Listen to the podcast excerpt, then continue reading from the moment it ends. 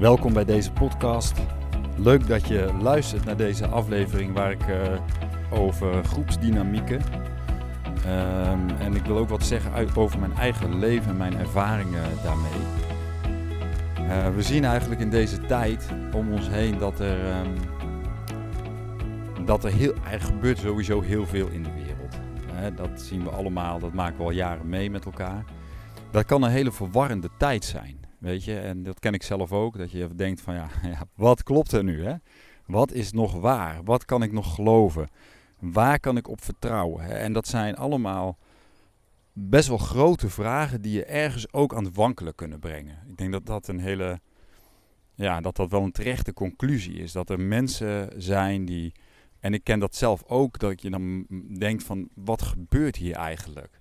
In, op het wereldtoneel, um, politiek, maar ook cultureel. En dan kom je eigenlijk ook al vrij snel bij de meer existentiële vragen over het leven. En die gaan over, ja, wat is dit voor wereld? Um, wat is de aard van deze realiteit eigenlijk?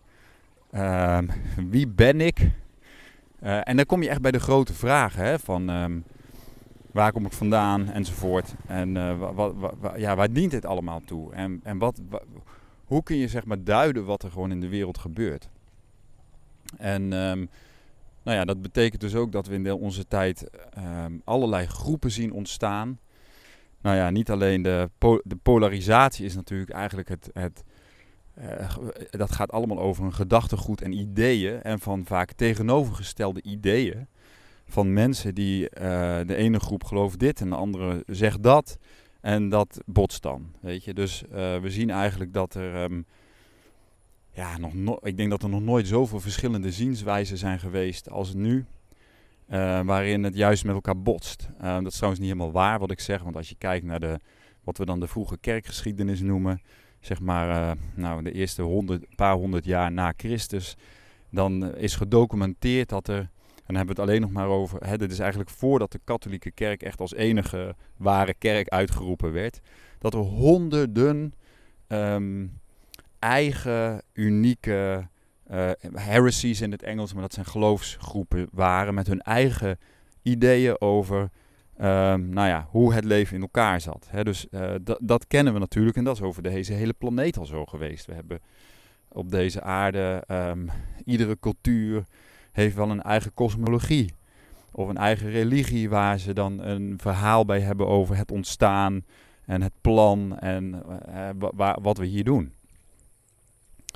Um, en je ziet in deze tijd ook een enorme beweging van mensen die weer op zoek zijn.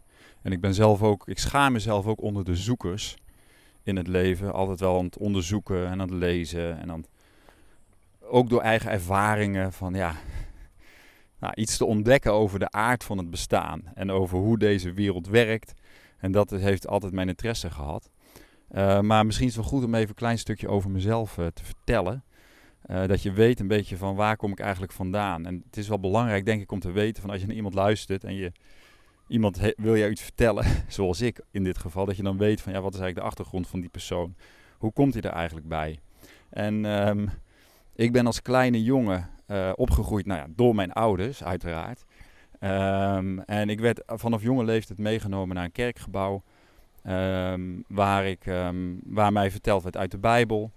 En mij, mij werd ook verteld dat, dat het niet een kerk was. Dus het was voor mij, ja, ik weet niet welke leeftijd dat precies werkt, maar het woord kerk dat kwam bij ons helemaal niet in onze vocabulaire voor. En het was ook heel duidelijk dat er was een groot verschil tussen waar mijn ouders en ik dan en onze familie zeg maar dan bij hoorden en wat dan traditionele kerken zijn. En um, we noemden het eerder de, nou ja, je zou het een soort gemeenschap kunnen noemen, kleine gemeenschap. Er was ook geen voorganger, er was ook geen leider. Er was niet echt een soort hiërarchische structuur. In ieder geval was hij niet zichtbaar. Er waren wel mensen die soort van taken hadden, maar het was niet wat je noemt een traditionele hiërarchische organisatie met leiders en met regels. Uh, want er werd gezegd, uh, ja, de enige uh, leidraad die wij hebben, dat is zeg maar het woord van God en dat is de Bijbel. dus ik ben opgegroeid vanaf jonge leeftijd met de Bijbel. Ik kreeg op mijn tiende verjaardag van mijn opa en oma een Bijbel. die heb ik iedere dag gelezen, nou, tot, ehm, tot ver in mijn volwassen leven. Ehm, en ehm, wat, hoe ga ik dit verhaal nu aan, aanknopen? Weet je, we hebben het over dat mensen dat we in verwarrende tijden leven. En dat je op zoek bent naar ergens misschien ook wel naar houvast. En dat er allerlei stemmen zijn en allerlei groeperingen die met de waarheid komen. Of met een stukje van de waarheid. Of met iets, zeg maar, waar, waar je bij voelt van, nou ja, ja, dat is het. Of dat je juist heel erg gaat twijfelen aan jezelf en aan je pad. Ik kwam in mijn onderzoeken van afgelopen tijd op uh, een heel interessant woord. Dat ga ik zo uh, met jullie delen. En dat heeft eigenlijk te maken met, met groepsvorming. Um, en ik denk dat um, groepsvorming is altijd heel erg verweven, zeg maar, met een geloofsovertuiging of een religie of ook een politieke stroming. Um, allerlei groepen waar mensen rondom een idee samenkomen, daar ontstaat een bepaald energieveld. Of dat idee, of dat geloof nu een goed geloof is of niet, dat maakt eigenlijk niet uit of dat nu aan de positieve kant zit van het spectrum of, of niet. Er ontstaat zeg maar een energieveld wat vanuit de oudheid, en dat gaat echt heel ver terug naar oude geschriften, duizend jaar geleden, wat ze een egregore noemen. Is geloof, wordt geloof ik voor het eerst genoemd in het boek van Henoch. Heb ik ooit lang geleden gelezen, dus ik weet niet alles van het boek van Henoch. Maar het boek van Henoch is een soort, uh, ja, dat boek heeft de Bijbel nooit gehaald omdat het ook um, een beetje, ja, je zou kunnen denken van, ja, is het nou feit of fictie of is het gewoon mythologie? Nou ja, mythologie zou ook een soort fictie kunnen zijn. Maar in ieder geval, het boek van Henig wordt verteld over engelen en, en Nephilim en wezens en duivels en engelen. Egregore is eigenlijk een gedachtevorm of een structuur, zeg maar, die, hoe moet ik dat nou zeggen, die een soort entiteit vormt. dus als je met meerdere mensen bij elkaar komt en je creëert een idee, of je hebt een bepaalde, je roept iets in het leven samen, dan creëer je daar een gedachteveld, als het ware. En um, sommige mensen eh, in de studie van deze uh, energievormen gaan zo ver om te zeggen van nou, dat um, zo'n egregore, die krijgt zelfs een eigen, dat wordt op een gegeven moment een eigen dragende entiteit dus als je naar religies kijkt of naar politieke bewegingen of landen zelfs, ze zeggen eigenlijk ieder land heeft een egregore. Dus iedere groep, waar groepen, groepen mensen bij elkaar zijn en ze zijn het eens over iets, bijvoorbeeld wij zijn allemaal Nederlanders en dit is Nederland, dan ontstaat daar een energieveld. dus het is ook ja, het is overduidelijk dat als je naar een bepaald land gaat, dat daar een bepaalde energie is. Moeilijk, moeilijk om dan precies te pinpointen van ja, wat onderscheidt nou de Nederlanders van de Belgen bijvoorbeeld, of de Fransen van de Italianen. Maar iedereen weet, er is een wezenlijk verschil. En zo is het natuurlijk ook met um, geloofsgroepen, de religieuze stromingen op de planeet. Het zijn de grootste egregores die er zijn, want het zijn hele sterke grote massa-energievelden. Um, en eigenlijk is de basis ervan is eigenlijk dat het een gecreëerd veld is door een gezamenlijk idee of door een gezamenlijk geloof. En dat heeft ook daadwerkelijk invloed en macht. En ik heb dat zelf aan de lijve ondervonden. Niet zozeer in die groep waar ik ben opgegroeid. Maar later ben ik daar uitgegaan op mijn eigen zoektocht. En toen heb ik me meer aangesloten bij wat men de, de meer de evangelische charismatische beweging noemt. Oh, komt de scooter. Ik ben aan het wandelen. En um, daarin ontdekte ik wel dat er daadwerkelijk iets aan de hand was, zeg maar. Ik voelde wel van oké, aanvankelijk kom je dan in een, een energieveld of in een groep terecht wat misschien heel fijn lijkt. Geweldig, weet je. Ik vond echt daar iets wat ik ergens anders miste. Wat ik in mijn geloofsbeleving die ik had, ja, dat vond ik daar. Um, en dat duurde een aantal jaren voordat het eigenlijk omdraaide. En uh, wat ik heb gelezen over de egregoris is eigenlijk dat een bepaalde energieveld. Je ziet dat soms ook bij corporates. Weet je, het lijkt geweldiger voor een grote corporate te gaan werken. Goede baan, et cetera. Maar op een gegeven moment blijkt dat je eigenlijk gewoon, al heb je daar een hele hoge functie, dat je uiteindelijk ten dienste staat van, uiteraard van het bedrijf. Maar dat is ook een, we noemen dat dan een bedrijfscultuur. Maar wat is een bedrijfscultuur? Ja, dat is een egregore. Dat is een energieveld dat is een groepsdenken. Dat is een bepaalde, uh, ja, een bepaalde energie waar je helemaal niet eh, die kan jij niet veranderen. En ehm, wat dat voor energie is, heeft natuurlijk alles te maken met de grondleggers ervan en met hoe zo'n bedrijf of een organisatie in het leven is geroepen. Ja, als je eenmaal gaat kijken naar deze wereld en je ziet dat alles grote vormen van gedachtenstructuren zijn. Je zou het ook, uh, Jung heeft het over het collectief onbewuste.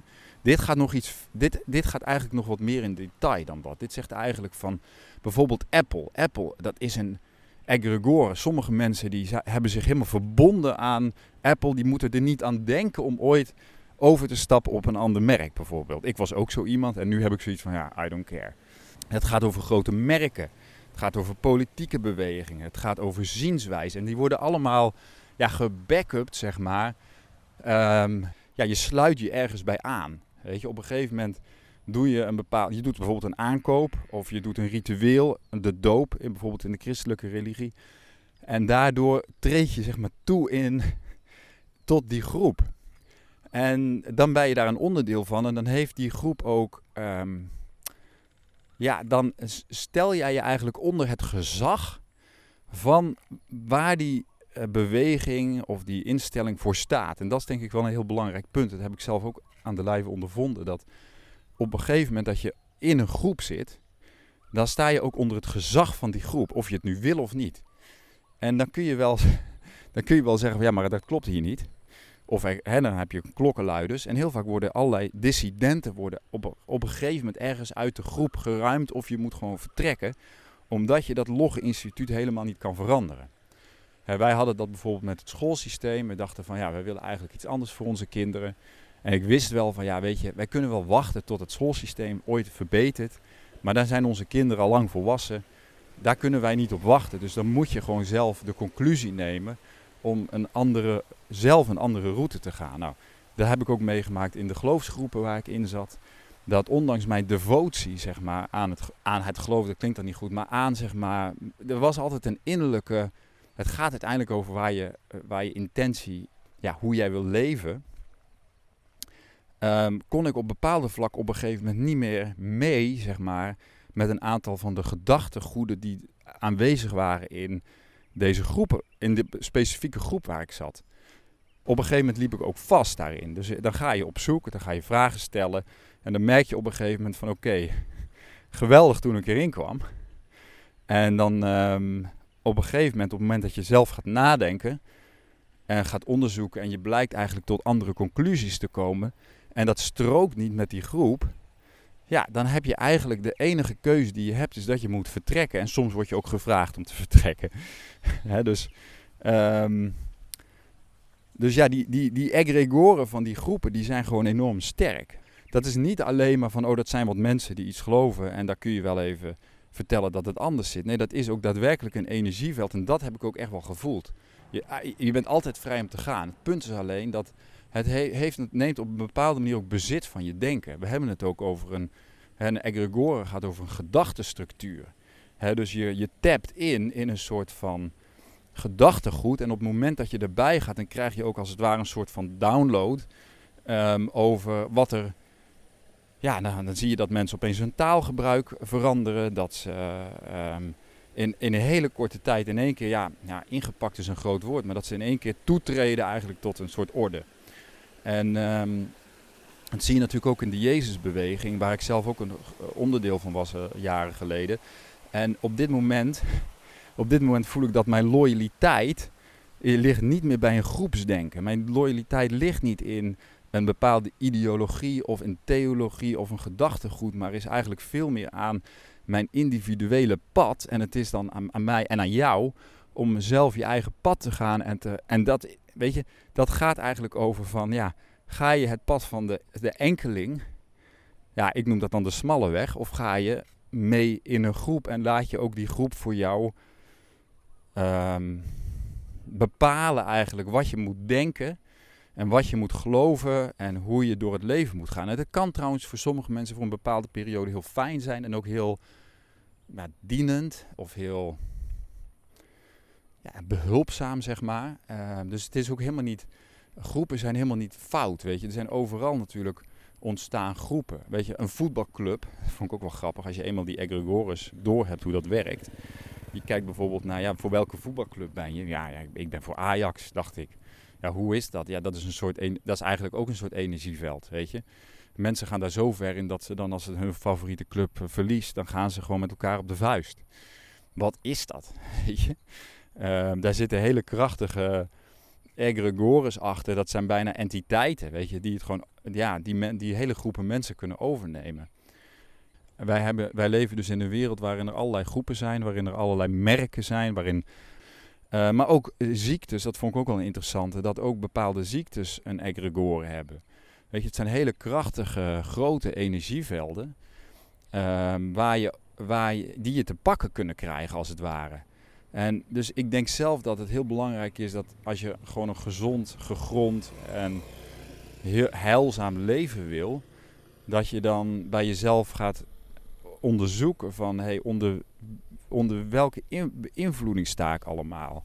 Wat heeft allemaal macht over mij? Of waar geef ik mijn macht nog zeg maar weg aan, um, aan anderen of aan uh, egregores, wat gewoon groepsdenken of groepstructuren zijn? Um, en um, dan ga je zelf, tenminste in mijn geval, dan ga je eigenlijk van heel veel dingen afstand nemen. Um, en dan zeg ik van, nou ja, ik, ik observeer wel wat er gebeurt in de wereld, maar ik sluit mij nergens meer bij aan. Ik ga wel mijn eigen weg. En dat wil niet zeggen dat je alleen gaat of dat je helemaal geen verbindingen hebt. Ik heb hele mooie verbindingen in mijn leven. Maar dat, dat gaat er wel over dat ik me niet meer onderdanig stel, zeg maar, aan een bepaalde. Of dat nu een politieke beweging is of een soort ja, uh, spirituele geloofsgroep.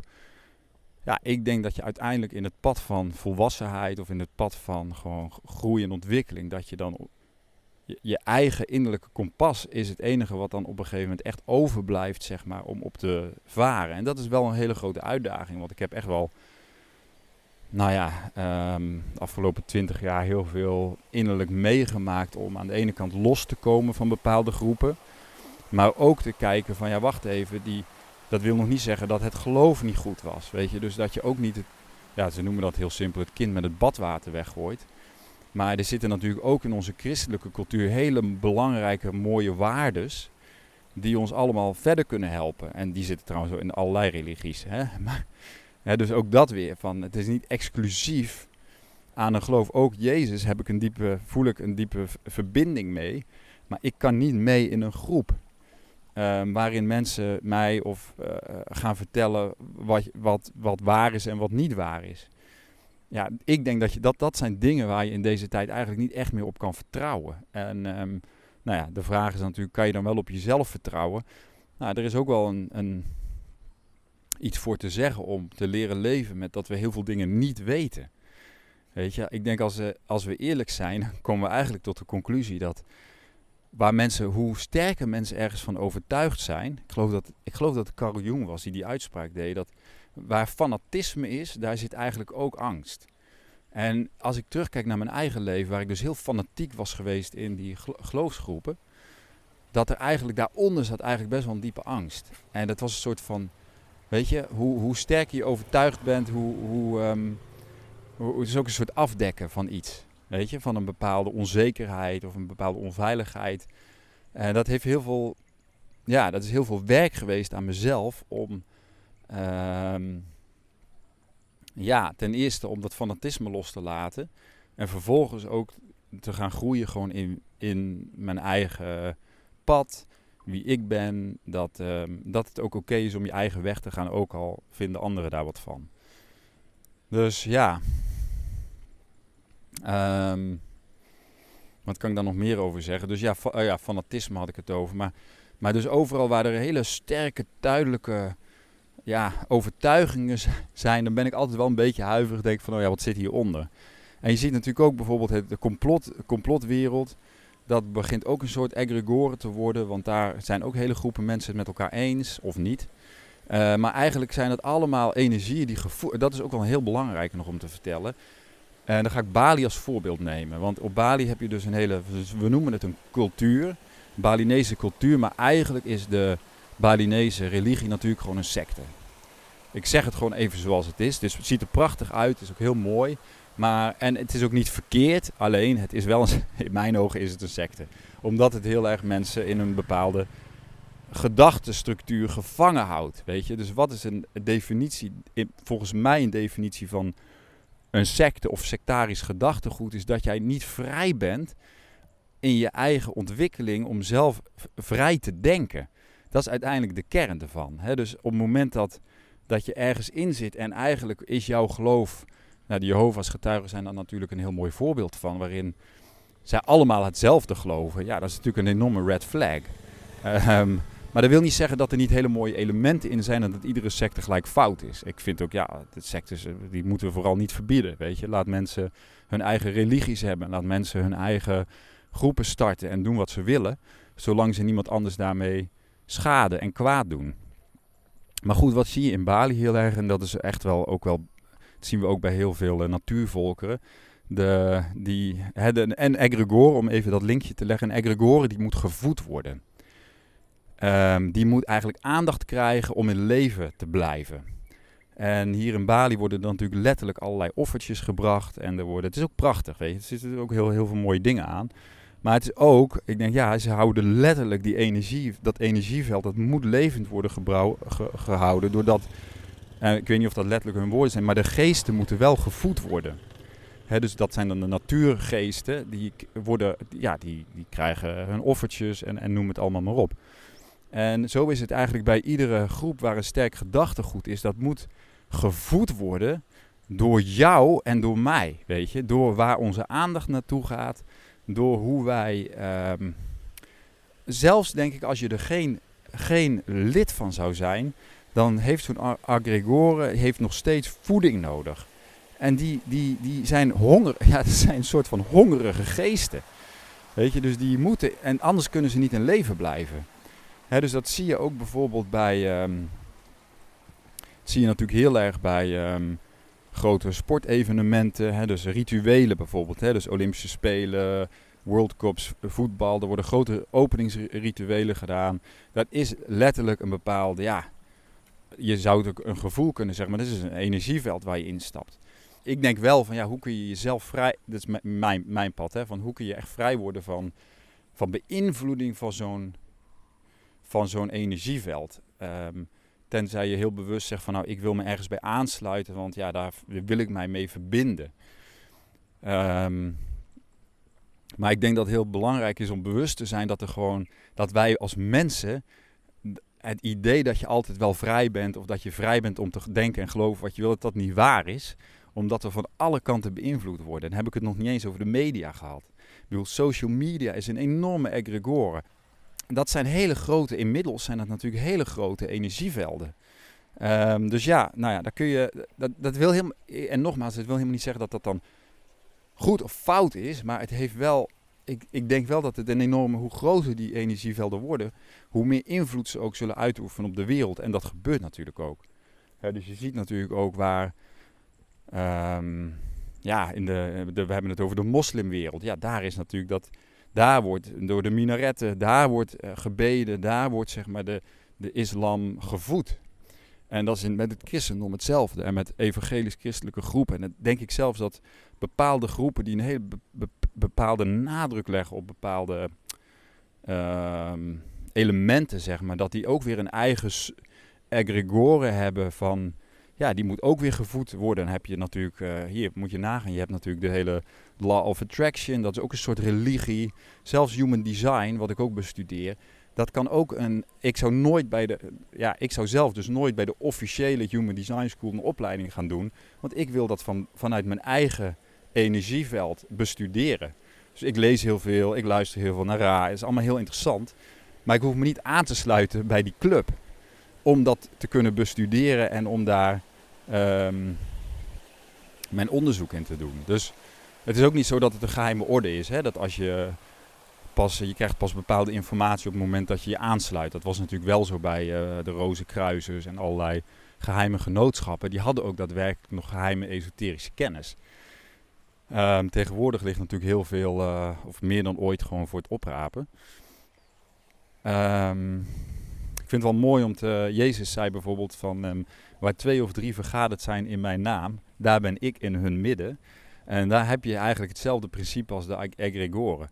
Waar je met meerdere mensen bij elkaar komt rondom hetzelfde idee.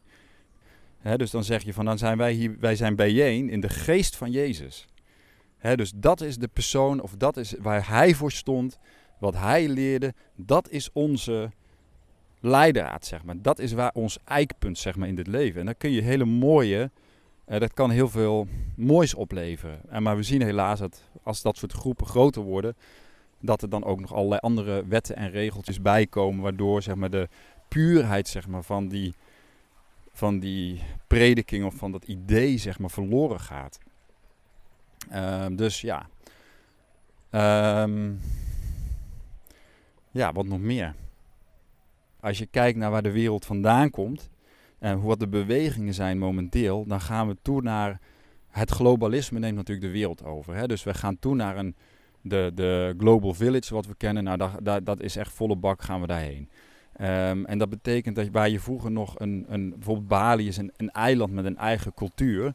Daar zie je tegenwoordig landen, maar zelfs een land is niet meer um, de hoogste egregoren. We zien daarboven zien we de NAVO, we zien de WHO, eh, allerlei andere clubjes. En dat zijn hele grote bolwerken en energievelden als het ware. En hoe groter die worden, hoe groter ook de kans is dat die zeg maar, het overnemen. De EU ook zoiets.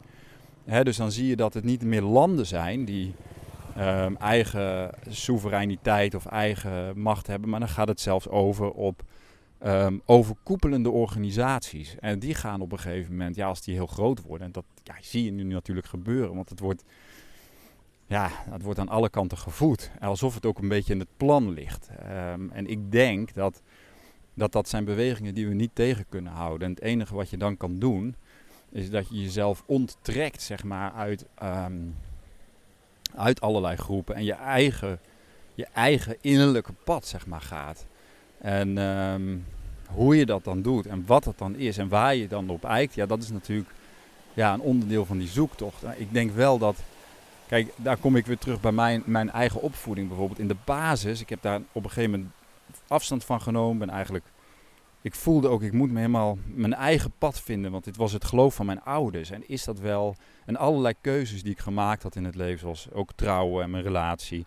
Ja, was dat nou van mezelf? Was dat nou ingegeven door door het geloof en hoe, hoe ver was zeg maar conditionering, wat was nu echt authentiek wel van mij en wat niet. Nou, al die dingen heb ik moeten onderzoeken en dan moet je, dan moet je zeg maar bijna als een ja, therapeutische oefening afstand doen zeg maar, van alles wat jou is opgelegd. En uiteindelijk kom je dan soort van full circle, dat vind ik dan wel de mooi daaraan. En dan ga je ook de mooie dingen, die ga je dan weer terug, uh, terugnemen zeg maar en opnieuw uh, in je leven brengen, maar dan op je eigen manier. En dat is een beetje bij mij gebeurd. Dus af en toe komen er gewoon in één keer bijbelteksten naar boven en denk oh ja, mooi dit. Of ja, oh ja. Weet je, uh, ik moest denken aan, aan 1 Korinthe 13, wat natuurlijk een heel mooi bijbelgedeelte is, um, waarin Paulus schrijft van, um, al wist ik alles wat er te weten was, alle geheimenissen, maar ik had de liefde niet. De kern daarvan is natuurlijk heel mooi, want ik ben ook iemand die alles onderzoekt en studeert. En nou ja, goed, ik vind heel veel dingen interessant. Maar uiteindelijk gaat het dan toch om, heb je de liefde? Eén andere belangrijke vind ik altijd, uh, aan de vruchten herkent men de boom. dus wil je weten wat, uh, en dat kijk ik naar mijn eigen leven ook, van wat waren eigenlijk de vruchten hier en hiervan. Um, en in een tijd waarin mensen aan heel veel dingen gaan twijfelen, uh, is het heel goed om te kijken in je eigen leven, maar ook als je met andere mensen in zee gaat, hey, wat is eigenlijk de vrucht van deze boom? En als die vrucht goed is, en dan kun je gewoon heel simpel zien, ik zie dat aan, oh ja, hoe is eigenlijk mijn relatie met mijn kinderen ontwikkeld? Hoe sta ik in relaties? Um, hoe verhoud ik mij tot mezelf en de wereld om me heen? Dan kun je zien aan de vruchten, zeg maar, of de boom waar je van gegeten hebt, of dat klopt of niet. Um, en ik denk dat dat bijvoorbeeld plantmedicijn, ik ga het nog even door, is ook zo'n onderwerp waar veel, veel aandacht voor is. En in sommige kringen is er ook veel uh, op aan te merken. Hè? Dan, dan, dan is er angst voor of dan is het allemaal ja, niet goed. En dan denk ik van ja, maar kijk eens even, als ik dus naar mijn leven kijk, denk ik ja, wat is eigenlijk de vruchten van het werk? En dat komt niet vanzelf, maar is wel dat er heel veel groei en ontwikkeling is. Um, en um, Ja, dus ik denk dat het heel belangrijk is dat we gewoon gaan zien van... Hey, uh, en dat kun je soms wel eens op de lange termijn zien. Want soms moet je door een fase waarin je eventjes de, de, hoe zeg je dat, waarin het vloerkleed even onder je voeten vandaan wordt getrokken. En waarin alles even wankelt. En waarin je twijfelt aan alles. En misschien wel door een heel diep donker dal moet gaan.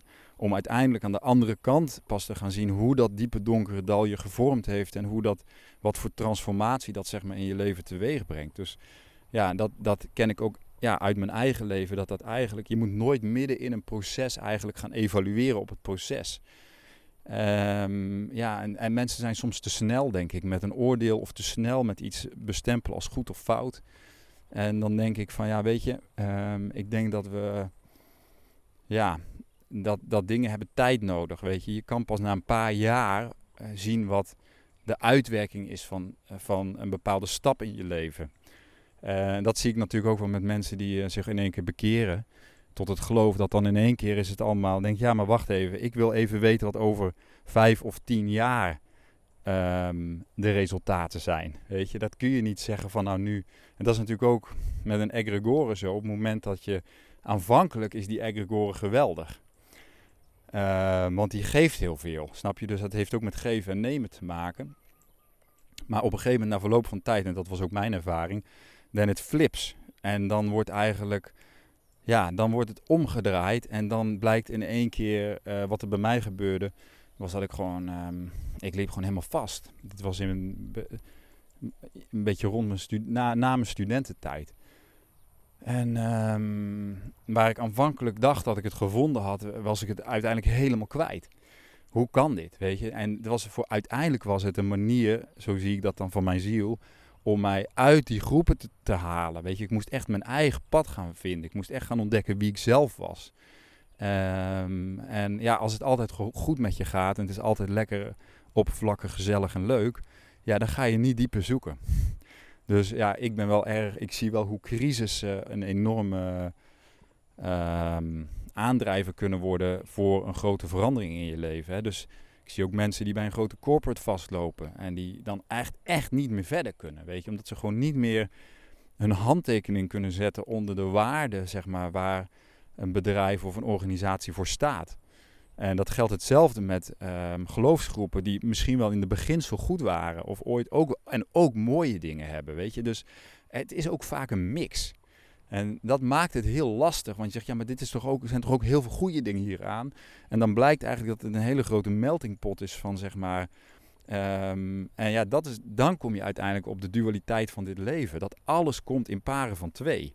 Dus alles komt met en, en zeg maar een voordeel en een nadeel. Of ja, dat is misschien heel simplistisch gezegd, maar er zitten, er zit, en overal zit dualiteit in. En dan, dan zie ik ook heel veel mensen die willen dan op zoek naar ja, die willen gewoon altijd gelukkig zijn en altijd happy en veel geld verdienen. En weet je, ja, ik denk dan gewoon onreal, niet alleen onrealistisch, maar ook kinderlijk.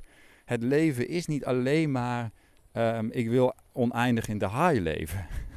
Of altijd in het licht zijn, weet je. Um, ja, het, is, leven is dus ook gewoon soms uh, met je poten in de klei en dat je door donkere stukken gaat en dat je daar hele belangrijke lessen hebt te leren over jezelf en wat jouw pad is. Nou ja, goed. Uh, ik, ik weet niet, ik, ik kan nog heel lang op deze rabbit hole doorgaan, maar dat ga ik niet doen. Dus um, ik ga het hierbij laten uh, voor nu. Um, want ik kan ook weer allerlei uh, zijpaadjes nemen, dan wijk ik af van mijn onderwerp. Maar ik wilde in ieder geval delen over die, die groepsdynamieken en hoe belangrijk het is dat je echt bij, je, bij jezelf blijft. Weet je. Dat is denk ik echt het allerbelangrijkste. Dat je ja, waar je wel en niet in, in mee moet. Weet je. Dat je zelf weet waar je, je eigen centrum en je eigen kern is. En dat je je eigen pad helder hebt. Ik denk dat dat gewoon belangrijk is. Nou, tot zover. Deze redenvoering. Um, ik uh, loop nog even verder door... Uh, ja, het is wel weer heel prachtig als ik jullie zou beschrijven hoe het hier eruit ziet. Het is een plek van Bali. Um, nou ja, als je wel eens op Bali geweest bent of je komt naar Bali, dan neem ik je mee naar prachtige plekken. Uh, wil je daar meer over weten trouwens, dan kijk je even op mijn website davidpieters.com voor retraites en coaching um, in een fase van je leven waarin je die misschien nodig hebt. Um, ik ga het gewoon hierbij laten. Ik wens jou een hele fijne dag en heb je vragen of opmerkingen, uh, ja, mag me altijd mailen.